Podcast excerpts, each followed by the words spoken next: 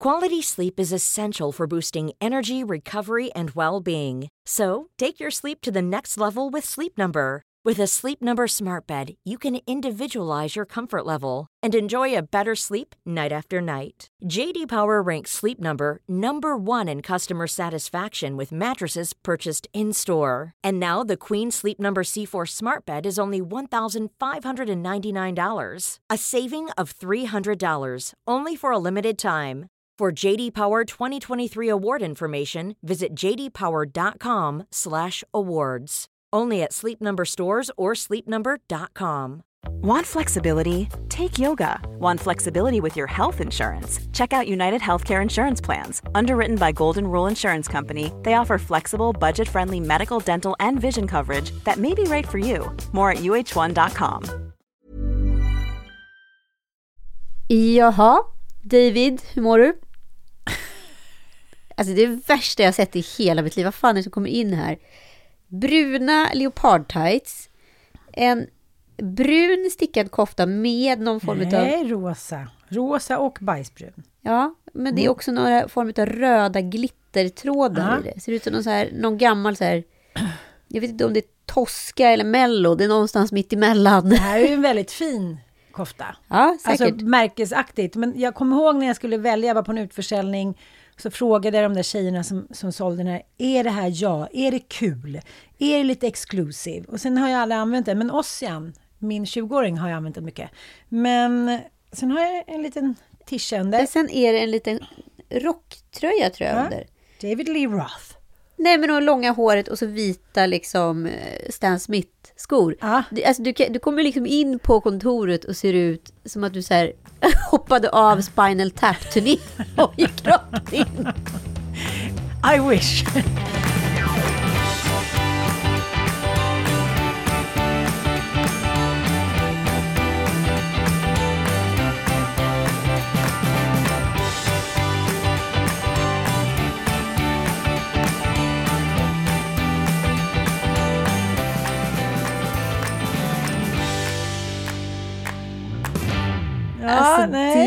Du är just nu, du är liksom en ny person varje dag. Jag vet. Och det är roligt för dig. Det är väldigt roligt för Ja. mig. Eller framförallt är det väldigt så här, spännande för mig. För jag vet liksom inte riktigt vad som stämmer och inte. Nej. Vi kanske ska prata lite om det i Det den här ska podden. jag. Du är ju väldigt tråkig. Du är ju helt svart. Ja. Nej, men du har ju inte en... Alltså det finns ingenting. Det finns inte ens en rosa snorbuse. Inte ens en rosa snorbuse faktiskt. Och ing, inte ens ett smycke. Vad då är du typ... Ja, och så svarta naglar. Ja, det är Ska du gå i period nu. kloster? Nej, men jag tror jag blivit lite så här, kanske inspirerad av Julia Fox. Tycker hon är så cool. Det är inte det att du vill vara lite kulturposh. Kanske också. Jag kanske också Ah. har en liten så här, du vet jag håller på med min, eh, alltså inventera min garderob på olika sätt. Just det, just Så jag det. testar också lite nya stilar. Mm, men jag gillar den där stilen. Men... Fast eh, nu det, det här känner jag ju, det här är liksom lite vad jag skulle kalla för min Lee Radowitz look. Du vet eh, Jackie Kennedys syrra Mm. som var så sjukt snygg. Eh, ja men så det här tycker jag, den här köpte jag ju för, för tusen år sedan för att jag var inspirerad av henne. fattar. Fast jag tänker att jag borde haft vita byxor till, men det är så svårt nu när det är slaskigt. Jag fattar, jag fattar. Man har lite steak. Nej, men jag tänker så här, man brukar ju säga visa mig ditt kylskåp, visa mig din garderob och sen så kan jag säga vem du är. Ja, Det är okej. svårt i min garderob. det är svårt i din Mycket, garderob. Fast jag har ju aldrig varit med om en kvinna som bär så mycket träningsbyxor utan att gå till gymmet. Jag tror ju att, är jag ska, jag tror att som i morse tänkte jag så här, nu ska jag sticka iväg till gymmet innan vi poddar. Och då var det någon bok som skulle till skolan och sen var det liksom inte så fint i köket, jag var tvungen att fixa. Och sen har det ju gått en, en och en halv timme. Ja, men att du överhuvudtaget har några åtaganden innan klockan 12 på dagen. Det är för mig ett under. För att Va? då springer du runt i en liten, liten cirkel och säger Maurena, Maurena, Maurena, Maurena. Och den där katten. Och Alltså, du och Karl-Einar Häckner, om Ja. ni levde ihop, det skulle inte bli mycket gjort. Nej, men vi kanske skulle varit världens roligaste par. Förmodligen. Alltså förstå ha er på middag. En som trollar och en som bara säger konstiga Roine-ord. Och har eh, bipolära kläder, som Sanna sa. Otroligt Har bipolära. du din kläder. bipolära klädstil idag?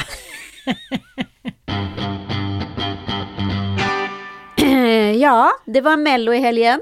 Tittade du? Det gör jag alltid. Mello är min heliga graal. Eh, Det är inte mycket jag kollar på på tv, men jag, jag kollar faktiskt alltid på Mello. Ja. Det är något, liksom, jag, jag tror att det gör svensken trygg. Ja, men det är ju något litet småheligt. Alltså, Vi har ju blivit väldigt amerikaniserade, det kan vi ju erkänna. Att så här, underhållning har ju blivit vår nya kultur. Förutom idrott så är det underhållning. Det är då vi gråter, skrattar, ber, önskar, hoppas. Det är, Glömmer oss bort. Ja. Och det, det är liksom, det är ersatt kyrkan och allt vad det är liksom. Och Mello är ju verkligen nu liksom någon form av högtid. Det har ju nästan fått ett högtidsstämpel. Det är ju nästan som att det är så här februari och mars, det är liksom Melodifestivalen. Så stäng Ja. av allt annat, Ja. gå ut på helgen, gör ingenting. Nej, jag vet. Och jag tycker att det är så märkligt och fantastiskt att det håller svenskarna i samma hårda grepp år efter år. Ja, det, det, jag tycker det böljar lite. För några år sedan kändes det lite mindre ohett, men det ligger ändå alltid över någon form av... Det går aldrig under medel. Nej, nej men jag håller med. Det var några år när det kändes lite liksom Svennebainena. Men då kämpade de ju på. Nu, nu är det ju en spännande blandning i, i startfältet tycker jag. Ja, men... I lördags var det ju eh, klart mycket starkare startfält än veckan innan om man säger så. Ja, men det tycker jag. Men jag tycker ändå det är liksom hög nivå på alla artister. Men det är någonting som jag inte fattar. Och jag tycker hon var hur gullig som helst och såg så jävla ball ut. Hon Eden. Men den här, är man inte lite trött med Men jag, Den här singer-songwriter, alltså så här, det är ingen som pratar så. nej, jag vet. Och jag är liksom så här, du hör var tredje ord. Ja. Vi kan inte sätta ihop något sammanhang. Oavsett hur emotionell den här låten är och vad den betyder för henne. Det kommer liksom inte ut för att det är lite som när Nisse Hallberg försöker liksom gör sina, när han håller på och klyker på scenen för att han är så kräsmagad. Nej, men vet du vad jag tror att det handlar om? Eh, dels var hon ju jättenervös. Såklart, Ja. hon är ju för fan tio år gammal såg det ut som. Ja, de hade ju tagit till samma knep som med Uje. Uje var ju nervös, hade lite problem med halsen, så han fick ju sitta ner, så fick allting kretsa kring honom. Ja. Det var hans sätt, tror jag, att liksom hålla nerverna i styr. Och hennes sätt att hålla nerverna i styr, det var att hon hade sin kompis med sig, som hon tittade på hela tiden. Som skulle liksom, liksom föra henne vidare. Men jag, eh, jag förstår fortfarande inte vad hon sjöng om. Överhuvudtaget inte. Nej. Och det, det, gick ju, det gick ju lite förlorat för själva inslaget då är innan då. Ja. På besöket på förskolan så kändes det ju som att de ville berätta någonting Mm. som sen skulle berättas i sången. Precis. Men, och det kanske var en sån här klassisk komma ut-historia. I Ja. don't know. Nej. Eh, men det var ingen som hade tvekat innan. Nej. det lite det blev liksom ingenting av någonting där, eh, fast hon var jättegullig. Lite så. En Mm. annan kom ut-historia. Sofia Dalén kom ut i helgen. Underbart! Ja, tillsammans med vår gamla chef, eller jag Ja. säga, Linn. Det var ju roligt. Sorry boys. Sorry. Verkligen, Ja. hon som är så het. Jag tycker också att det är så himla skönt att det inte är någon superbiggie. Tänk dig det där för 20 år sedan. Att det är så här, nu är jag kär i en tjej, vem vet? Alltså det, det är inte så här ristat i sten att nu ska jag alltid vara med en tjej eller alltid med en kille. Det är så här, det här kändes bra, jag blev kär i henne. Punkt. Och sen så är det liksom inget mer med det. Men det var ju som, vad var det, de flesta 70-plussarna hade ju röstat på Tone. Ja, nej men det är, någon, det är ett paradigmskifte. Att det är så här, det är inte längre, alltså man behöver inte längre mörka. Att man liksom gör någonting som inte är, eh, vad ska jag säga, moraliskt rätt och riktigt i Bibeln. Nej men det känns väl alltid som att Mello per se har haft väldigt högt i tak. Ja, det är sant. Och varit väldigt liksom alltså proaktiva eller liksom progressiva när det kommit till liksom eh, alla hbtq-frågor etc. Men liksom eh, nu är det verkligen så att även 70-plussarna har svängt. Men samtidigt så är det ju lite intressant hur den här röstningen faktiskt går till. För jag antar att de som laddar ner de här apparna, alltså själva Mello-appen, det är ju kids. Ja, det Det, är det klart. kan ju inte vara liksom ens en 20-åring som gör det. Nej. Nej, det tror jag faktiskt Nej. inte. Och då, om man då bara räknar ut det snittet de får ihop Ah, i pengar som skänks till Radiohjälpen. Det är ungefär eh, 400 000 kronor, säger de ju. Per. Ja. ja. Vet du vad det är om man börjar dividera lite? Det är typ 80 000 personer som ringer in om samtalet kostar 5 kronor. Mm. Och om samtalet kostar 19 kronor så är det 20 000 personer som ringer in. Det är inte jättehögt det deltagande. var inga supersiffror. Nej, det ska vi Nej. inte anklaga. Jag tänker på Börje Salming Mm. då som drog in åtta glada miljoner på två och en halv timme. Ja. Eh, alltså. ALS-stiftelsen. Ehm, så att deltagandet är ju rätt lågt. Ja, men jag tycker det är ganska roligt och den är lite liksom komplex, mellotittaren. För den, är, den har ju högt i tak, kanske bara under mello. Förstår du? Ja. Och den här 70-plussen kanske inte eh, går till posten och presenterar sig med ett icke-binärt namn. Nej, Nej, inte. det tror jag inte. Så det är så här, what you see is what you get at mello. Ja, För det är fortfarande lite snåleri, snå- snålera. Vi ska inte betala för det här nu, Leffe, utan eh, nu, nu har vi, vi, vi får rösta en gång. Eh, Och det var, gjorde vi i förra deltävlingen. Så att det är ändå ordning och reda på pengarna och liksom, ja, men jag tycker ändå att det, jag blir ändå bara så glad. Det är lite som fotbolls-VM och Mello. Det håller oss alive i krigstider. verkligen. Mm. Sen var det även Super Bowl i helgen. Mm. Ja, det var Rihanna som var mellanakten. Precis, och hon var ju det per solo. Per Solo, Ja, ja. det, det var ju inte två eller liksom... Nej, som Shakira och Precis, J.Lo. precis. Liksom. Eh, det tyckte jag, den tyckte jag var riktigt flashig mellanakt. Ja, jag Shakira. tycker ju fortfarande det som är liksom den bästa mellanakten som har hänt liksom under min livstid. Ja, Alltså, dels är det Michael Jackson, den är ju lång. 93. Ja, den är ju rätt lång. Men sen så har vi ju. De- Destiny's Child, när de kör med hela bom, bom, bom. Ja, alltså, det är, det, alltså den är så fet. Can you keep up? Alltså med en hel sån här marschorkester. Alltså det är så fett så man håller jag, jag gåshud bara jag tänker på det. Vi måste lyssna lite. And now, ladies and gentlemen, please welcome Kelly, Michelle, and Beyonce, Destiny's Child.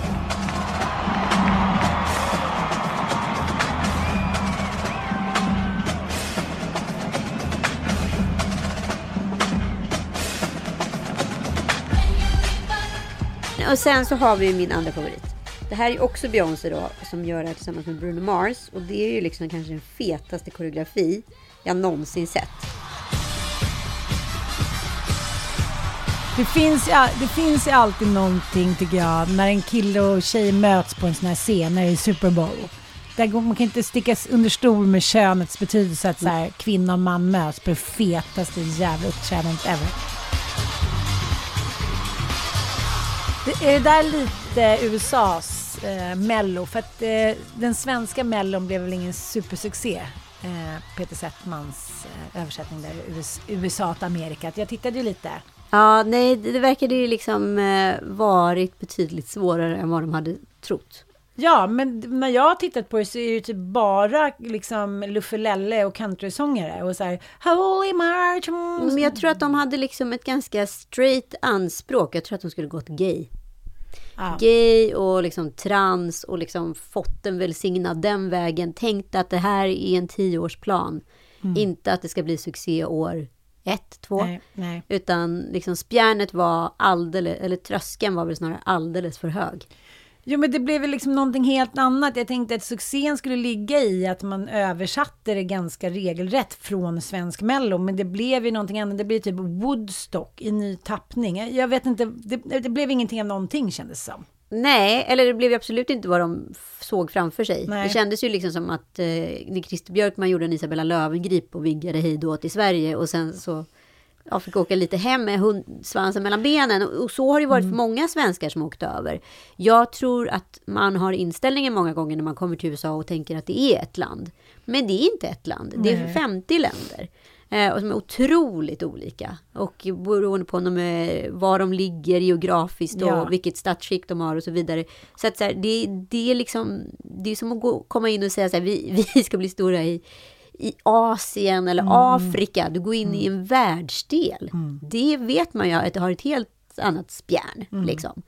Eh, så ja, det, det är lite synd, för Mello hade ju passat bra, rätt bra i USA. Ja, men, men det är som du säger, de, de skulle ju gå, gått mycket mer på pärlor och paljetter istället för liksom folklore som det blev nu. Ja. Någonstans så fastnade det ju på vägen. Ja, precis. Ja. Men eh, det kanske blir bättre nästa år, eller är det redan nedlagt? Eh, jag vet faktiskt inte, Nej. ärligt talat. Men eh, tillbaka till Super Bowl, för jag, jag tänkte på Rihanna var mellanakt. Mm. Tyckte inte att det var superbra. Nej, inte the best of the best. Och jag hade också helt missat att hon var på chocken igen. Det har gått fort. Det, det gick fort. Det gick riktigt fort. Men eh, jag tänker väldigt mycket på, hon har ju en otrolig repertoar. Men någonting som slog mig, det är att hon har lagt väldigt mycket så här scores på låtar. Du vet, så Eminem, alltså hon har gjort liksom mycket liksom features. Eh, men så tänkte jag på den här låten Bitch better have my money. För jag var så här, fan när kom den? Den är ju mycket äldre än vad man tror. Den kom ju typ 2014. Och då var ju, alltså den musikvideon, jag vet inte om du kommer ihåg den, den är helt sinnessjuk. Men visst var det så att hon blev blåst av sin revisor? Vad hände med det där? Fick hon tillbaka pengarna eller? Ja, efter, Ja. efter många år och, mycket om och men så fick hon tillbaka 10 miljoner. Men det var en betydligt högre summa som hon blev lurad från. En lite rolig detalj bara. Den där videon är ju helt sinnessjuk till att börja med. Eh, det handlar om att de kidnappar frun till no- någon som ska illustrera och vara hennes revisor. Vilket man inte ser vem det är i början. Den här tjejen blir liksom kidnappad, eh, eh, misshandlad, drogad utav Rihanna och hennes tjejkompisar för att sen bli mördad. Eh, sen går hon hem till eh, tjejens kille då, som kanske är den här revisorn. Vet du vem det är? Den personen är Nej. Mads Mikkelsen. Jaha, men gud, nu, nu går det upp någonting för mig. Ja, och sen så får man inte se liksom att hon mördar honom och hon är helt blodig på slutet. Så ligger hon naken i en kista full med pengar men själv och röker gud. braj. Alltså, det är så spår alltså. Och hon är medregissör på den här videon. Kanske kan Carola göra det på sin nästa video? Ja, hon har precis gjort cover på L nu, så vad som helst kan hända känns det som. Men jag tycker ändå det är väldigt intressant att analysera såna här typer av hämndmusik. Vi kommer ihåg när John Lennon skrev How do you sleep till Paul McCartney. Just en. Mm. riktad låt efter liksom de splittrade. Och det var en väldigt infekterad period i deras liv. Där i slutet på 70-talet. Eh, och det var väldigt mycket röre där med hur, om det skulle stå Lennon McCartney eller McCartney Lennon och vem som ägde vad. För att allt var ju ett sammelsurie och det var ju mycket rättighetstvister. Ja, eh, det, det är roligt det där med eh, hämnd. Jag tänkte på Martin Melin har ju varit med i en podd nu och berättat då hur glad Camilla Läckberg var för att han hade en sån stor snase. Och hon fick liksom smak för det nu med Simon, så fick han in en liten... tsch. Ja, då fick han Ja. det sagt. Det verkar vara viktigt för honom Det det. verkar otroligt viktigt att alla ska veta att han har liksom årets polisballe. Har vi inte alla sett det redan under den här penismassagen i Robinson? De var tvungna att liksom bara förstärka att det verkligen var så. Ja, men jag bara tycker att det är så förmätet, som att en tjej skulle sitta, ah, men riktigt, liksom en riktigt skön mutta, så det fick han ju smak för. Så att nu är han ju ihop med, jag vet inte, är inte liksom lite för sent att dra kukkortet? Kanske lite sent. Däremot så undrar jag på de Men det här... funkar ju. Ja, däremot så undrar jag om jag går tillbaka till de här hämndlåtarna. Ja. För det är ju liksom olika variabel på text och liksom kvalitet. Eh, och den är ju rätt catchy. Bitch, but I'm my money. Mm, alltså. Men om man går igenom texten, som en kulturtant skulle gått igenom. Ja. Hur kan det låta då? Ja, det vill väl du väldigt gärna berätta om. Jajo, jajo, mula, la, jajo. Bitch, better have my money. You should know me well enough. Bitch, better have my money. Please don't call me Bachman bluff. Bitch, pay me back you owe me. Paul. Alltså, Ja. det, det, är ju, det är ju inte... Det, den är ju liksom jättehård, men jättetöntig. Ja, men Vem skulle bli arg på det här? En sårad kvinna, så är det inte så att vi blir väldigt barnsliga när vi ska, skriva hämnd? Ja, det händer ju ingenting. Pay Nej. me what you owe me, bitch better have my money. Ja, det är inte så djuplodat, men det enda hon ser nu i sin eh, primalhjärna, det är att hon ger mig tillbaka pengarna, ger mig tillbaka pengarna, ger mig tillbaka pengarna. Det är det enda hon kan tänka. Så det blev väl inte... Ja, men hon var ju pank här. Hon Mm. gick ju personlig konkurs här under två år. På grund av det här. Så pass. Ja, stackars Rihanna. Ska också göra en video. Men vi måste ju ändå ge lite gullpoäng till ASAP Rocky som var så Ja. glad. Men alltså, vet, jag vet inte varför jag blir så otroligt glad när jag ser en kille liksom lägga ner så här, tuffhetskorten, även fast man är en tuffis. Och bara så här, det lyser igenom vad äkta kärlek är, tycker jag.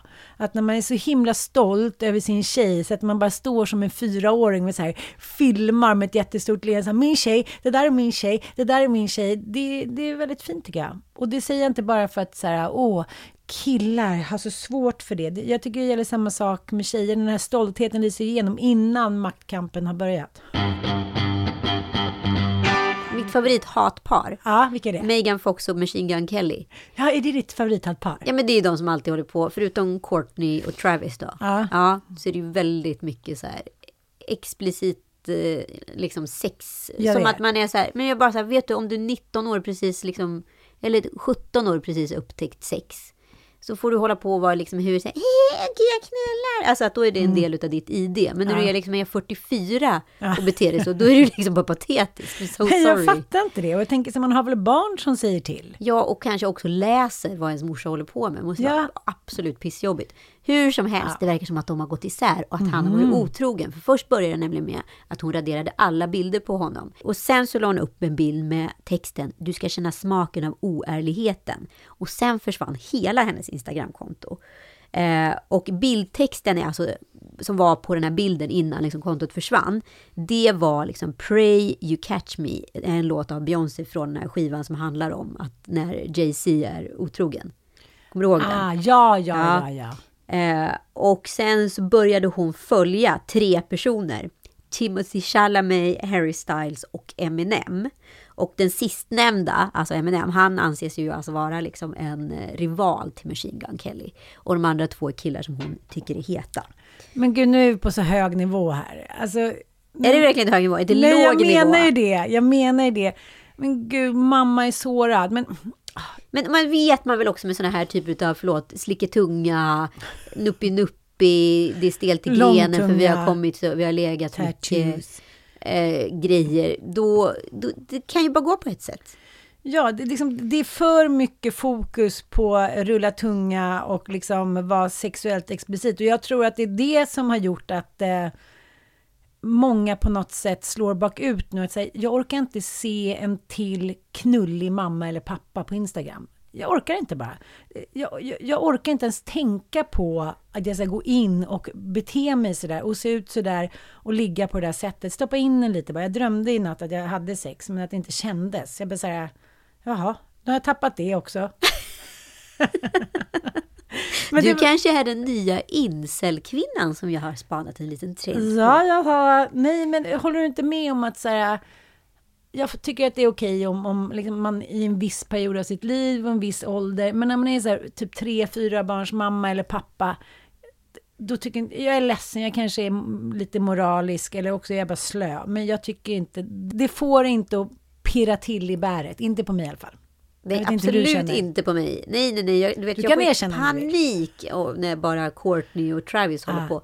Och låter jag vet att jag låter helt sinnessjukt pryd. Men jag bara så här, förstår inte, what's the point? Nej. Vad är det ni vill För bevisa? vem? Är det för varandra? Ja, men Ah. då kan ni väl göra det i bingen. Men är det för alla andra ni måste övertyga? Men det måste ju vara för varandra. Du vet, så här, en show-off, så vi kanske inte liksom riktigt lever upp till det vi vill vara, men Fast då lever man ju utifrån och in. Alltså då är det helt snedställt hela grejen. Nej, jag, men jag fattar inte. Jag, jag, nej, jag gör inte det. Och PR-människor, syskon, föräldrar, är det ingen som kan så här, ringa i klockan och säga så här, ska du inte lägga ner det nu?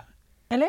Nej, det verkar som att det blir, bara så länge man anställer ja-sägare runt omkring sig så verkar allt vara okej. Men håll, hång, liksom, du berättade ju för några avsnitt sen eh, att du hade varit ute på en klubb och eh, det var ett gäng där som hånglade runt med varandra. Jag vet inte om det är, ehm, det kanske är corona som har gjort det, men att jag skulle stå öppet på lokal och så här slurvla tunga, men- det känns väldigt långt bort. Men jag kan inte heller så här, alltså jag får ju så här skrattattacker när jag tänker på att jag och Joel skulle så här hångla loss offentligt. Nej men alltså, Men jag bara tänker så här, när gör man det? Jag kan tänka, vi var på någon, jag och Mattias var på någon så här femårs bröllopsfest för två somrar sedan. Väldigt privat, väldigt mycket liksom alkohol, väldigt härligt. Då, kom, liksom, då hånglade vi loss, dansade och hånglade loss på dansgolvet. Men det var ju med vår, liksom, våra 16 närmsta vänner. Det kändes inte så här, åh, nu kommer folk så här, stå och titta på att vi hånglar. Alla var ju liksom lite nej men att jag och. Joel skulle stå och juckdansa och han skulle ta mig på arslet samtidigt han så här rullar tunga. Alltså nej, och jag står så här gnider mitt kön mot typ hans lår. Alltså aldrig i fucking livet. Det kanske är en utmaning. Han Nej. kanske vill det. Han, Nej, det autisten, skojar du? Skämtar bara. Mm.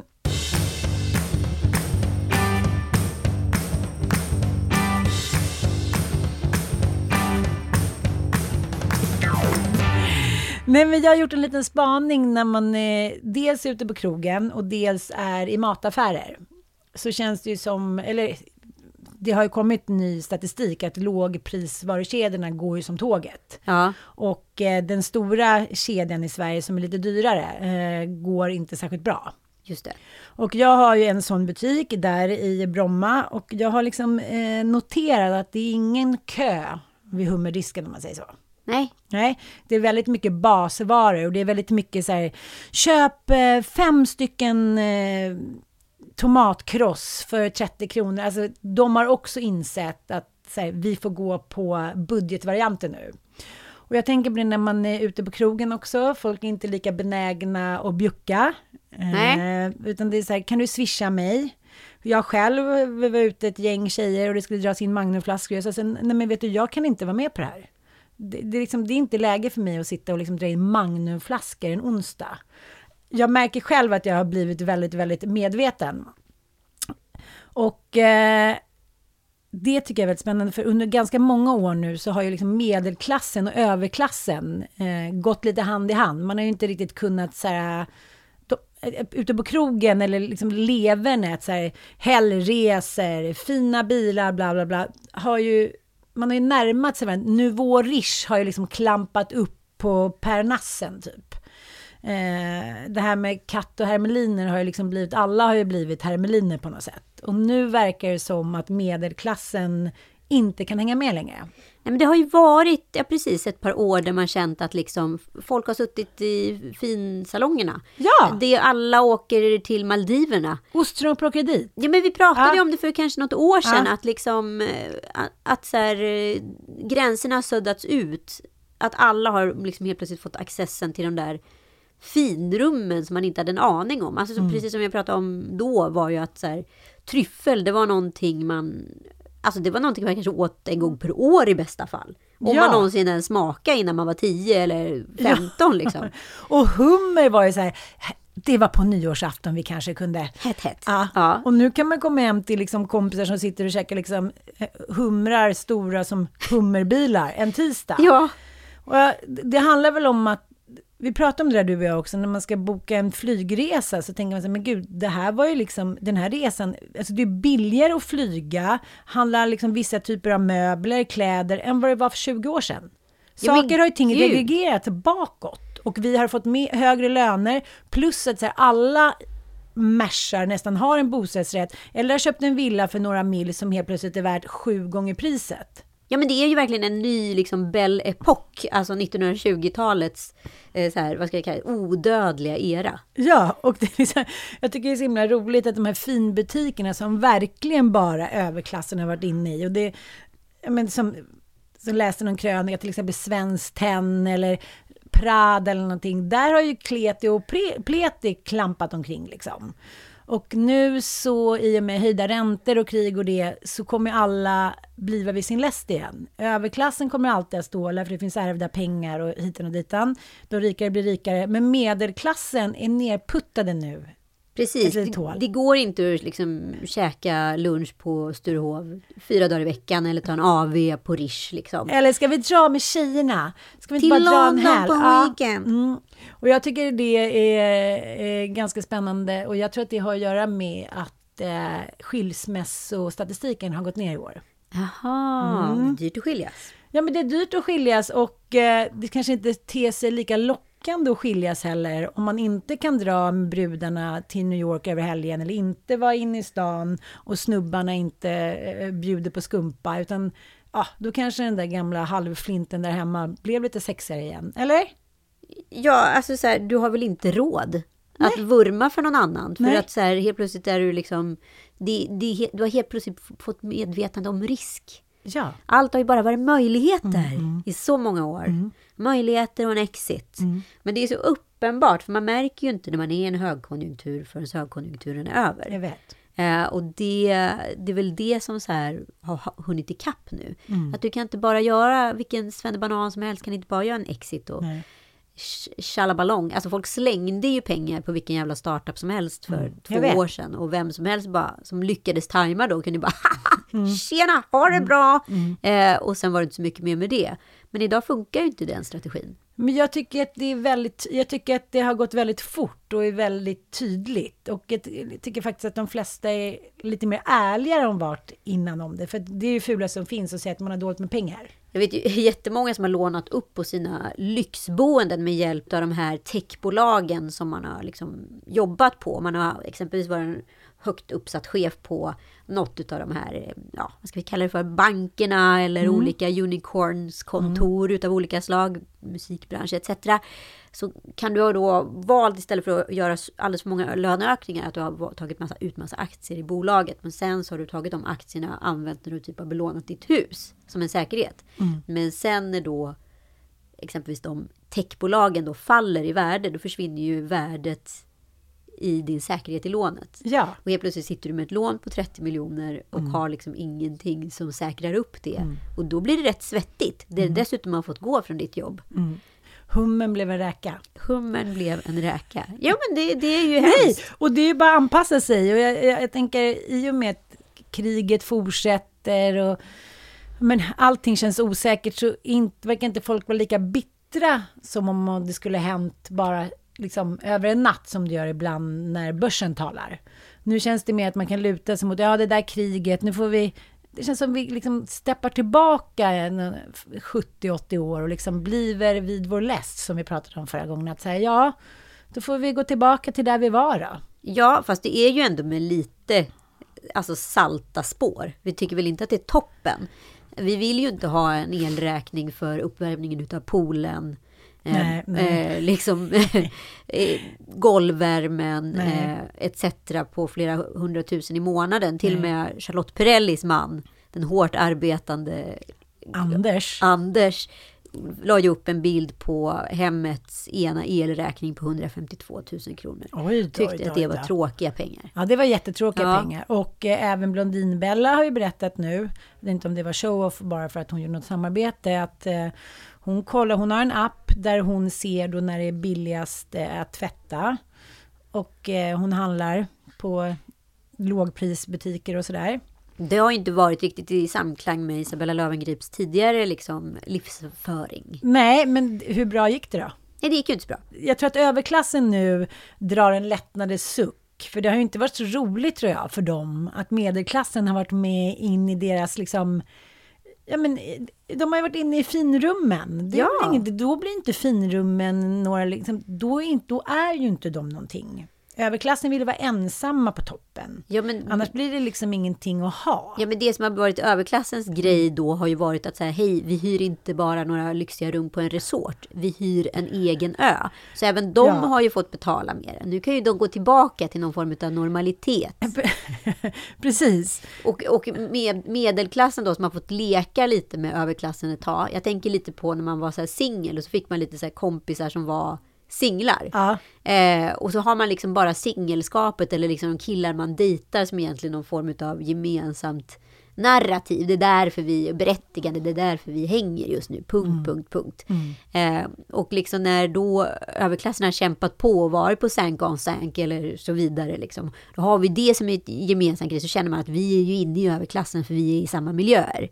Men man är ju inte det. Nej. Och sen helt plötsligt när du inte längre har råd att betala den sank on sank-notan då åker ju du ut därifrån och då kommer ju också överklassens fortsatta stilla mak i de där finrummen under tiden du står utanför och vinkar och försöker få uppmärksamhet. Men inte får det. Ja, så nu är vi ute i kylan igen då. Normally, being a little extra might be a bit much, but not when it comes to healthcare. That's why United Healthcare's Health Protector Guard fixed indemnity insurance plans, underwritten by Golden Rule Insurance Company, supplement your primary plan so you manage out of pocket costs. Learn more at uh1.com. Quality sleep is essential for boosting energy, recovery, and well being. So, take your sleep to the next level with Sleep Number. With a Sleep Number smart bed, you can individualize your comfort level and enjoy a better sleep night after night. JD Power ranks Sleep Number number one in customer satisfaction with mattresses purchased in store. And now the Queen Sleep Number C4 smart bed is only $1,599, a saving of $300, only for a limited time. For JD Power 2023 award information, visit jdpower.com/awards. Only at Sleep Number stores or sleepnumber.com. Jag har lyssnat lite på den berömda, ja vad ska jag säga, it-girlen, modellen, sexiest woman alive, Emily Ratajkowskis podd High and Low. Hon är het alltså. Nej, nej, nej. Alltså om jag någonsin Nej. ska flata, då är det inga problem. Dobb, hon kan få doppfäll. Hon kan få doppel. Men alltså bara allting hår, nej men... Nej, nej, nej, nej. Men alltså, så här, jag blir inte ens svartsjuk på killar som tycker att hon är snygg. Jag förstår. Ja, ja, nej men det, finns väl ingenting, det går inte ens att klampa in med sin lilltå i hennes revir. Nej, nej, nej. Alltså, hon, ja, hon är så het. Skitsamma. Ah, ja. Hon har faktiskt en jätteintressant podcast som jag börjat trilla dit på. Först lyssnade jag på den med lite så här ironiskt liksom, spjärn. Tänkte bara, vad kan den här bruttan prata om? Det var innan du puttades ner från överklassen till Ja, medelklass. exakt. Exakt så. Vad är det? Eh, det var roligt. Det var roligt. Nej, men då, då, då tänkte jag så här, vad, kan det här vara för någonting? När den här släpptes för ungefär ett år sedan.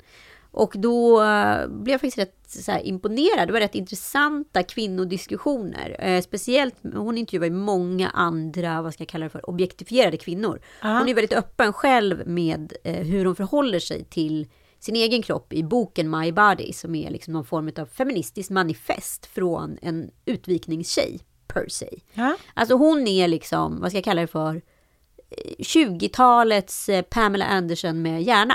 Ja, Och, ja. och möjlighet att kunna försvara sig, för hon har ju faktiskt en egen plattform, hon har en egen röst. Hon behöver inte hela tiden finnas i männens domäner, utan hitta sin egen, ja, sin egen röst. Och jag tycker hon gör det jävligt bra faktiskt. Jag tycker det är lite orättvist där, för jag tänker så här, Pamela Anderson med hjärna, om Pamela Anderson hade blivit känd nu, så hade hon fått hjälp med helt andra plattformar. Ja, Ja, gud. ja. Och hon har också kunnat liksom kommunicera på, liksom, på ett helt annat sätt och folk hade backat henne på ett annat Ja, sätt. ja. Eh, och jag tycker ändå den här dokumentären som vi pratade om förra veckan, det ger ju henne lite rätt rätt liksom. Men det är ju som det alltid känns 20 år för sent. Jag tror, inte, jag tror inte ens, som vi har pratat om innan, metoo, man tänkte inte ens på att det var fel att en chef tafsade lite. Man tänkte inte ens på att man skulle få upprättelse, att man hade, skulle kunna få en plattform som var då feministisk eller liksom man skulle kunna bli stärkt. Utan man, man- man hamnade i en genre och den fick man stanna kvar i eller så fick man typ dra. Ja, men Det var som man så var trodde det. och så var det väl lite. Ja, men hur som helst så har då eh, två utav Kanyes exflickvänner eh, gästat Emily Ratajkowski. Jag vet inte om det här hänger ihop på något sätt, men Kanye har ju gått ut med sitt eh, liksom, porrmissbruk. Ja. Att han har eh, liksom, han, att han är porrberoende. Det har ju han gjort vid flera tillfällen. Och eh, vi ska lyssna på vad första flickvännen som han faktiskt dumpade till förmån för Kim Kardashian sa. like don't have sex. You don't have sex? No, I hate sex. Why do you hate sex?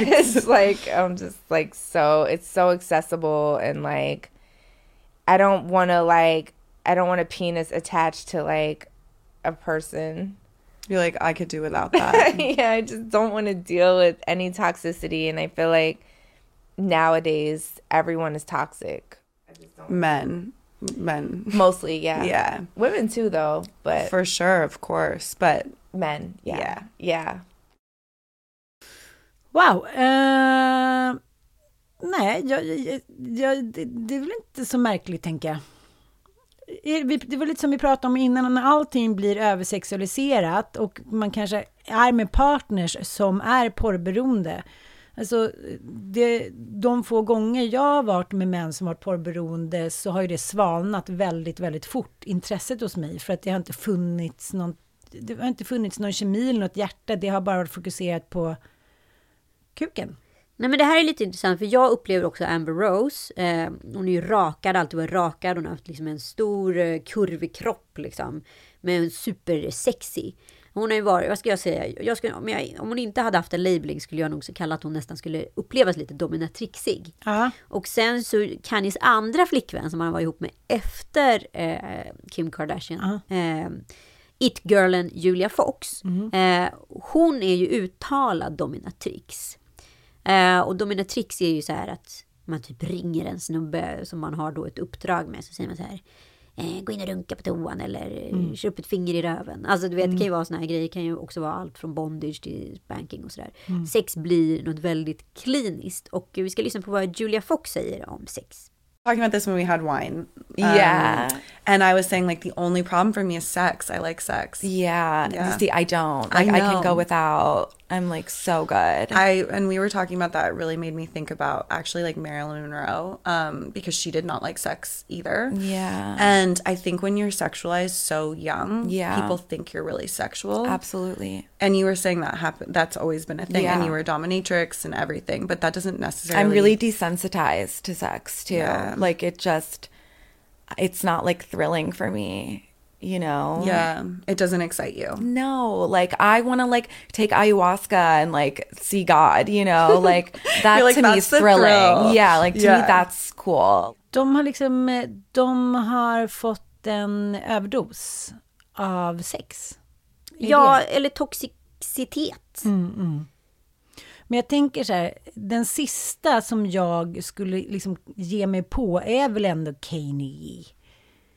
Alltså om man inte vill då eh, för alltid bli, liksom få någon eh, overload på toxic sex. Alltså, Fast nu, nu alltså det, det som har framkommit om Kanye på liksom de sista fyra åren, Ja. det är ju att han är djupt bipolär och eh, liksom misogyn och allt möjligt. Men, och förutom att han är liksom antisemit och hej och hå. Men innan det så har han bara varit uppburet manligt geni inom musik.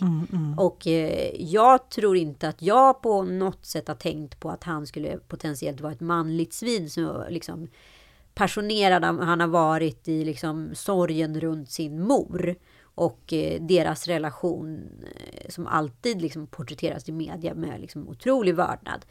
Eh, men jag bara funderar på den här typen av kvinna som är liksom någon form av så här supersexualiserad varelse som både Julia Fox och eh, Amber Rose är.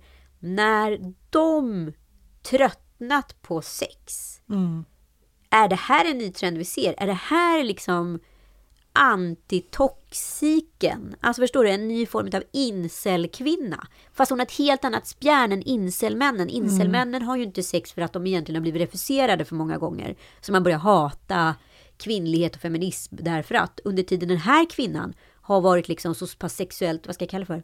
Utnyttjad eller sexuellt avtrubbad efter själv då liksom få agera någon form av utnyttjare. Så att sex har blivit för torrt för dem. Så de får, inget kick, de får ingen kick längre. Det finns ju en, en, en ny väldigt intressant internetforskning i USA. Ja, Att innan eh, corona så var, användes de här dejtingsajterna för att här, få ett snabbt ligg. just det. Och det var lite så som både kvinnor och män agerade i sina uttryck. Sen... Sex var skräpmat. Ja, precis. Sex var så här en snabb in och ut och eh, I'm liksom, jag är tuff, jag, jag, no strings attached, typ. Sen efter corona så eh, gjorde de en, samma liksom, ja, men, undersökning och då hade det helt svängt. Att eh, på de här dejtingsajterna så vill man, man behöver inte ens träffa de här parterna fysiskt.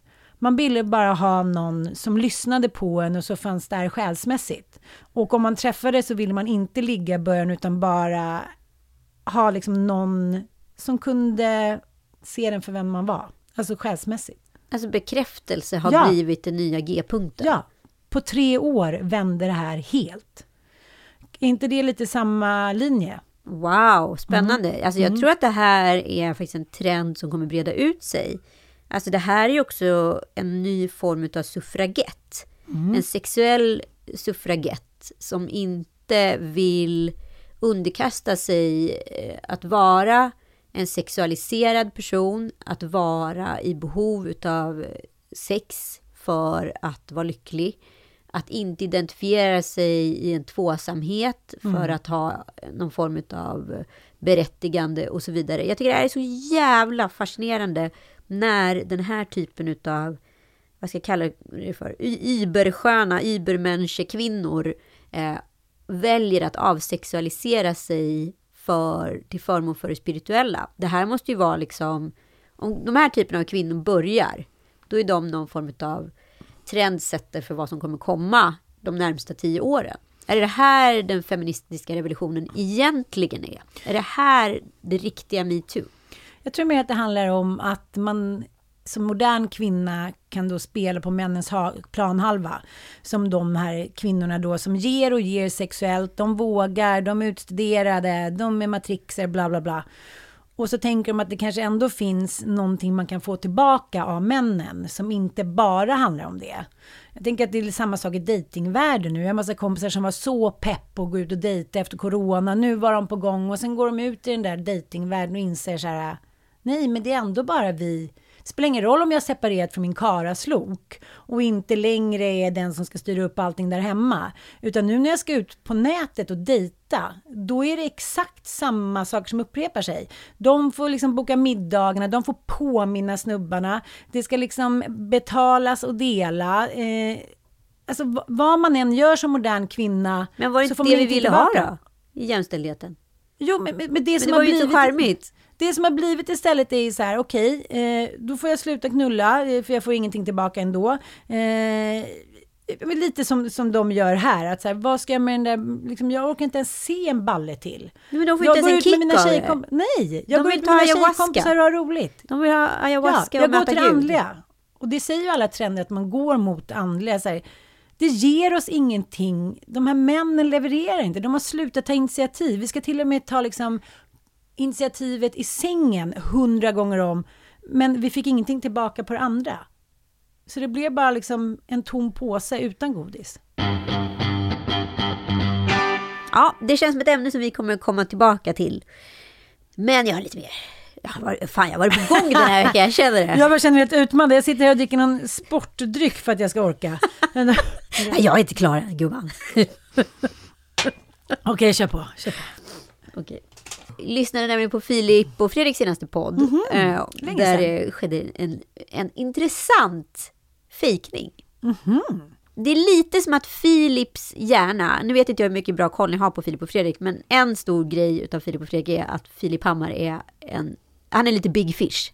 Ja. Kommer du ihåg den gamla Tim Burton-filmen och den här otroliga boken också?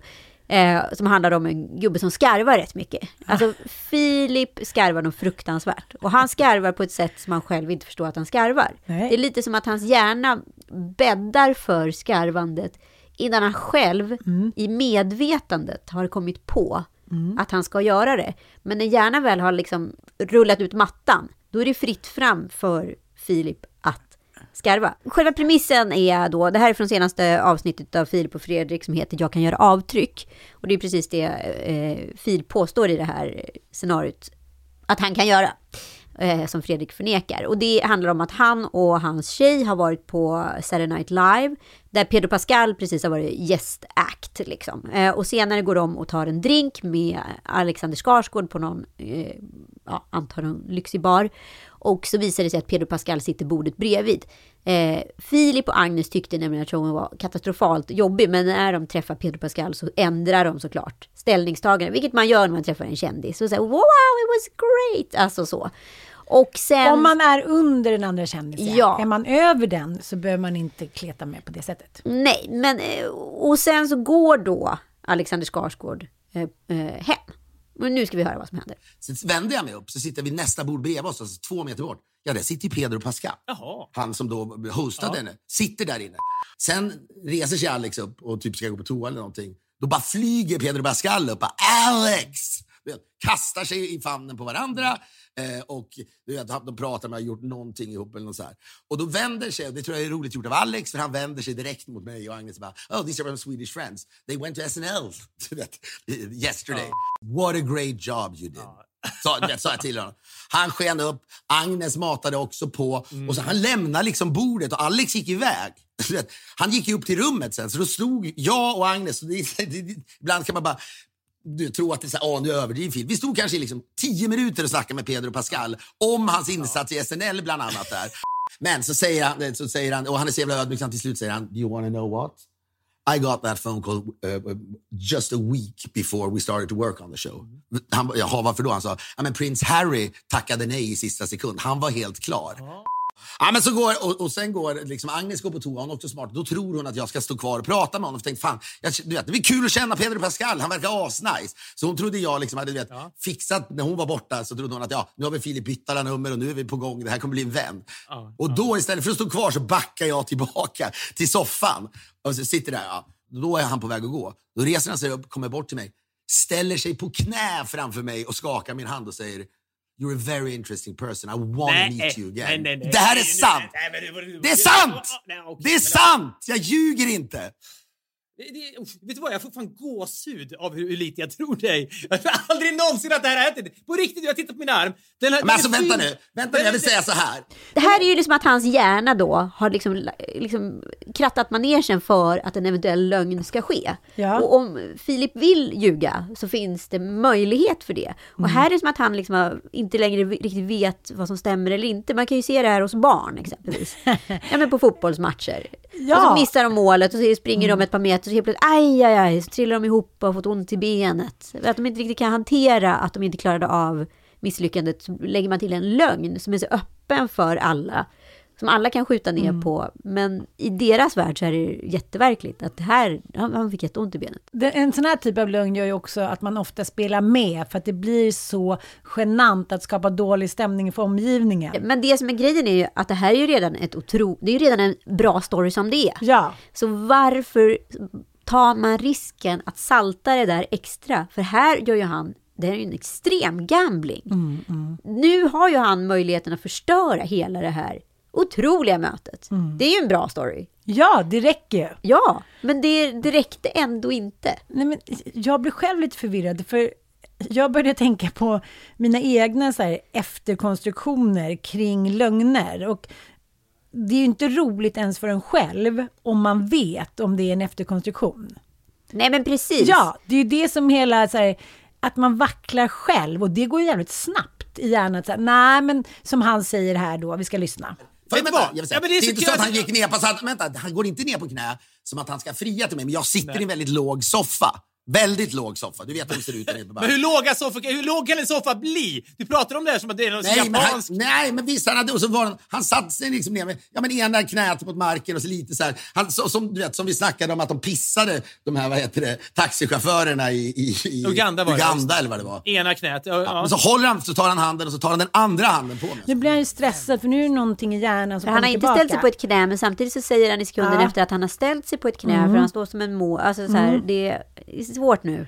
Men jag tänker ju något liknande om vi ska gå mot liksom Hollywood och Superstars. Så var ju jag och mitt ex Nanook, vi var ju, eh, när vi var nykära så bjöd jag honom till USA. För är det här ett fenomen som hänger ihop med kändisar?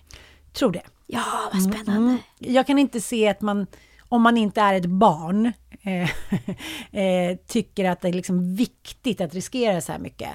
Men jag började tänka på när jag och Nanook då var i Hollywood. Eh, vi, var, vi bodde på The Standard som var väldigt hett kändishotell då. Gud, det ligger ju perfekt där på Sunset Strip. Och bara, Precis. Oj, oj, oj. Och alla som jobbade där var klädda i vitt. Allting var vitt, man drack White Russian som drinkar. Det låg så här, kvinnor i vita bikinis i så här plastlådor. Det var väldigt spektakulärt. Idag hade man ju bara tyckt att det var Ikea typ. Men då var det liksom Då var det standard. the shit. Vi var nykära, jag tyckte liksom min kille var ganska het. Eh, vilket gjorde att jag också blev lite het tyckte jag. Hade satt i löshår. Lite sådär långt hippie. Hade varit nere på Melrose, köpt lite sådär 70-talsblusar. Gud, jag ser, med tanke på din outfit idag så är jag väldigt orolig för att det är så snyggt som du påstår att det är. Kan komma bildbevis. Ja. Men jag var rätt snygg. Okej, Ja, okej. ja. Ja. Han var också det. Okej, Ah, hur som helst. jag har vi- också sett er i lila, där du går på premiär, när ni matchar i lila. Det kanske du också tyckte var snyggt. När du har ett par lila plaststövlar och han har en lila skjorta. Skinn, läder. Jag, vet du, jag saknar de där stövlarna så mycket. Ja, det gör inte jag. Om någon på SVT har sett dem, köpte dem i Amsterdam. Och vi står där i baren och dricker då de här vita White Russian som röker och är allmänt liksom the shit from Sweden, tyckte väl vi då. Och eh, då står en kille bredvid baren som så här, kommer fram till oss och säger så här, Are you here for the Oscars? Och det här har ju blivit ett väldigt känt citat mellan mig och Nanook. Are you here for the Oscars? Och det var alltså, gissa vem? Ingen aning. Den skådisen som jag tyckte var hetast och bäst just då, Jeff Goldblum. Oj! Mm. Ja, Jurassic Park, Flugan. Precis, och sen stod vi och snackade lite och sen gick väl han därifrån. Vad hände sen då? Jag- nu när jag säger det här så tänker jag så här, kom han verk- var verkligen han? Jag kan liksom inte, jag vet inte. Det kunde vara vem som helst. Och Nej. han, var, var han där? Ja, men han var ju där. I baren? Ja, någonstans där på hotellet. Du hade bara typ sett honom? Ja, men i mitt minne så står han bredvid oss i baren med den där tjejen. Och sen vänder han sig då och säger så här, Are you here for the Oscars? Men nu när jag ska berätta om det så tänker jag så här, det kan, eller var det typ Kenny Brink från Arkansas och, och Jeff Goldblum var någon helt annanstans. Han hade kanske bara gått förbi och gått upp på sitt rum. Och jag vet inte. Nej men alltså det här är så Och sjukt. vem ska säga hur det var? Nej men det, det där är så jävla sjukt för jag bodde på mitt, du vet det här favorithotell som jag bor på i Italien då. då Ja, ja. På Ischia. Och eh, det här var ju innan Rami Malek, ni vet han som har spelat eh, Freddie Mercury Ja. och Mr Robot och allt vad det är, eh, slog igenom. Eh, Ja men han var där när jag och Joel var där. Han låg liksom i solstolen mitt emot på andra sidan poolen. Men han hade, och det var, Joel kände igen honom för han hade sett Mr Robot. Jag hade inte gjort det vid det här laget. Och eh, vi höll på att stoja som fan i poolen, så inte mycket mer med det. Och sen har jag och Joel hållit på och skämtat om när han blev stor och vunnit liksom Oscars och allt möjligt. Att så här att han har aldrig sett någon som har kunnat hålla andan så länge under vattnet, så han skulle vilja tacka dig i Oscarstalet och sådär. Joel har vi hållit på att töntat oss hemma. Men ju mer och mer vi håller på och skojat om den här historien, som någon form av så här kollektiv dagdrömsfantasi, ju närmre har avståndet krympt Till sanningen. mellan oss och Rami Malek. Alltså helt plötsligt har han flyttat ett par stor, storstora närmre. Den här poolen är kanske inte åtta meter i bredd, det kanske bara är fyra meter i bredd. Han kanske till och med har simmat förbi oss. Vi blir liksom som en kollektiv lögn. Har vi gått in i att tro på att han var mycket närmare än vad han var. Oavsett, åtta meter är ju åtta meter. Rami Malek var på hotellet och vi, vi höll på att tramsa i poolen. Joel höll, hade håll andan tävling. Alltså, Nej, jag fattar. Ja, vi har till och med smygfotat honom liksom. Men, men det är så jävla intressant vad som sker med kändisar. Att de har en effekt på huvudet, att man vill salta.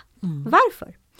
Nej, men jag tror bara att det är lite som, eh, det är ju vår tids kungligheter. Och eh, jag tror att det är samma sak, kungligheter förvidrar oss. Vi, apropå klass, vi, vi blir deras tjänare, vi blir mindre, men i liksom i, lys, så här, i solen bredvid den här kungligheten och kändisen så blir vi någon, om än bara för en stund. Och, det, och vi vill salta historien. Vi blir någon också i vänskapskretsen när vi saltar Ja, den här vi historien. lyfts upp utav deras fägring. Ja, och jag tror inte att det är helt fel heller. Jag menar, hur tråkig vore inte världen om vi inte saltade? Då skulle man inte åka stå ut på en enda middag. Nej men gud, Parmiddag. såklart.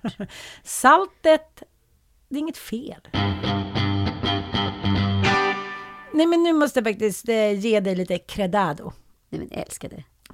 Ja, ta inte för givet bara. Ta inte för en vana. Imorgon blir det späk som vanligt. Ja, nej, men jag tyckte att det var så otroligt roligt. Eh, du hade på din story fångat upp då från din favoritserie, Eh, hotellromantik. hotellromantik, uttryck som människor använder, i det här fallet då, eh, eftersom vi ska säga då att de, var, de är äldre, det är väldigt viktigt. Eh, när man ska skydda sig mot för starka känslor så använder man sina egna uttryck i vissa falanger. Det gör ju jag. Ja, ja, du har ju ett helt eget liksom, ett lingo. Ja, ett, ett eget språk Ja. liksom. Och eh, när jag såg din story och vi pratade om det här så handlar det ju om att man känner sig trygg i sin egen ordfalang. Som Ja. man har skapat själv. Då är man lite över. Ingen som riktigt förstår, men nästan. Nej men det är ju lite så här, eh, uttryck generellt i språkligt, det är ju kulturellt betingat. Exempelvis i persiskan eller arabiskan så använder man mycket liksom allt från eh, skämt till allvar eh, med Gud Eh, som så här, ah, inshallah, alltså det kan vara allt möjligt. Och på olika sätt uttrycker man, man dricker lite vin under taket för då ser inte Gud, ha, ha, ha. Alltså det kan vara på olika sätt som Gud används. Gud kan även vara ett svärord, eh, liksom. Filip använder ju djävulskt mycket. Ja, Filip Hammar. Exakt. eh, och så var det så roligt, jag kommer ihåg när jag läste Montecore utav Jonas Hassan Khemiri för tusen år sedan. Eh, att han, när han flyttade till Sverige, att han reagerade så mycket på att vi har så mycket djur i, vår, i vårt språk. Liksom. Eh, att eh, en björntjänst, eh, sova räv, eh, falkblick eller ja men du vet, alltså massa liksom olika... Som en snigel. Som en snigel, alltså Ja, mycket liksom djur. mycket djur. Ja, och det måste ju härstamma per se från så här vikingatiden. Alltså det måste vara jättegamla referenser på det. Men det, och det är ju kulturellt betingat. Men sen i relationer så kan man ju skapa sig en egen kultur. Hade du med arg som ett bi? Nej, men nu tog du det. Angry as a. Ja. Angry as a drone. Drone? Drönare. Ja. Ja. Vad, heter de? Vad heter det? Ja. Det här var ju så roligt, för det här är ju då Eva och Björn som är det nya, liksom, vad ska jag kalla det för, stugparet. I, Stugit-paret. ja, i, vad heter det, Hotell Romantik. Nu ska vi lyssna på Ah, hur många gånger de refererar till bilar i en och samma dialog. Och så hade hon ett härligt uttryck som var, är, vi måste ju övningsköra. Jag tycker, ja hur tänker du då? Ja men vi måste ju övningsköra, vi måste ju prova och träffa varandra och prata med varandra och se hur vi funkar. Vi... Tar det som det kommer. Vi ser hur långt bensinen räcker. Ja men vad fan. Ja, För vi är ju ändå helt bara ute och kör och kör. Ja, ja. Ja. Sen kanske du Ja, kan men ta ner skylten. Man borde väl ha en full tank i alla fall om man ger sig iväg. Ja. Det är första lektion. Tanka fullt. är ju att han, han ser ju mig som ett eh, objekt som han vill fortsätta och, och ha och ha. Du, åker på första turnén? Då ska det vara ledmotivet. Okej. Han sitter i förarsätet och jag sitter i baksätet lite grann. För jag, jag, jag eh, drar nog lite grann i, i handbromsen för att jag vill inte att det ska gå för fort. Men samtidigt blir jag ju väldigt... Så att nog, nog vill jag hänga med i baksätet ett bra tag till nog. Det vill jag. Ja, men det är ju jättekul. Nu fick du bidra med övningskörningen. Och så, så kom vi på turnén. Snart ska vi ut på turné om du vill åka med.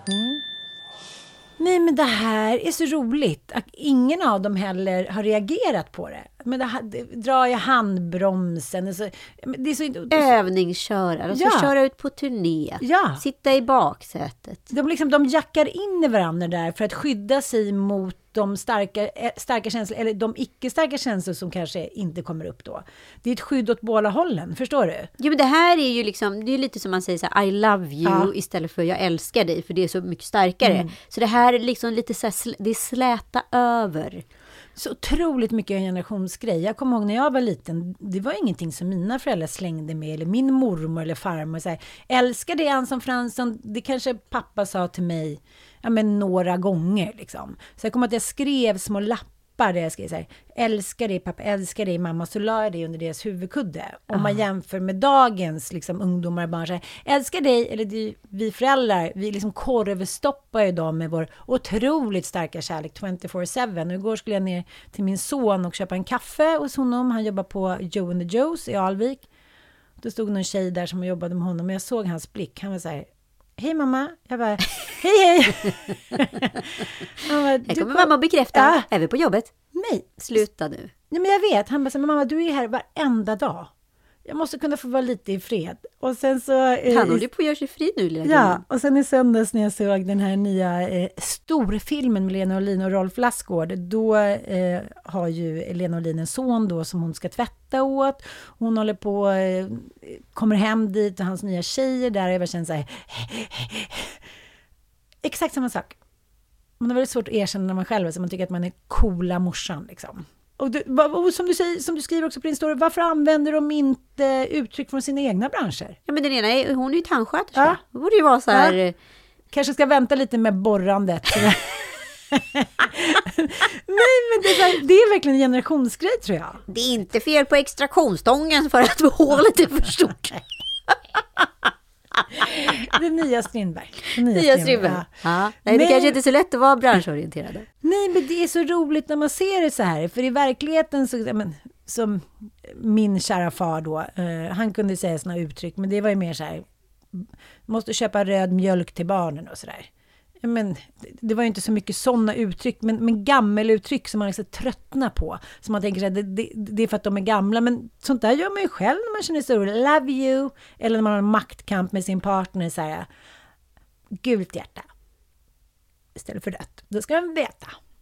Mm. Just det. Nu är det solen skiner inte längre, nu är det fläckar. Fläckar på solen. Man använder små subtila uttryck. Det här var ju inte så jättesubtilt i och för sig.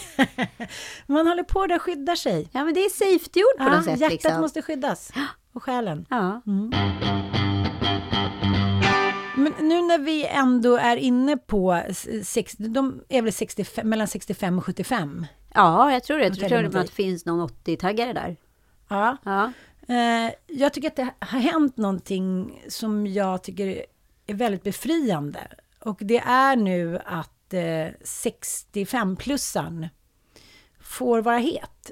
Jag vet inte om, eh, om den generationen har fått vara det. Man kanske har tyckt det om vissa, typ, men gud vad het han är, Richard Gere. ja, typ. men det har ju bara alltid varit män. Ja, aldrig kvinnor. Nej, men alltså ytterst få. Så Sofia Loren och någon jo, jo, liksom. men då har ju de varit tvungna att göra någon... Gina Lollobrigida. eller vad Men det var ju som när eh, Sofia Loren och Marcello Mastroianni eh, träffades typ 40 år senare och spelade in eh, den här filmen Pretta Porter. Då kom ju Sofia Loren in med bra rattar, eh, skitsnyggt raffset, råhet och ska strippa för honom. Ja. Och de ska ligga med varandra då 40 år senare. Och sen när hon ska krypa ner i sängen, då har ju han somnat. Just det. Så att det kommer ju med att man måste, man måste ha gjort någonting som kvinna för att man ska återfå då någon så här sexsymbol fas, tror jag. Män kan ju bara komma upp med lite grått hår. Ja, gud ja. Ja. Sean Connery var väl råhet fast han var liksom långt över 80-årsstrecket. Ja. Han skulle fått vilken kvinna som helst.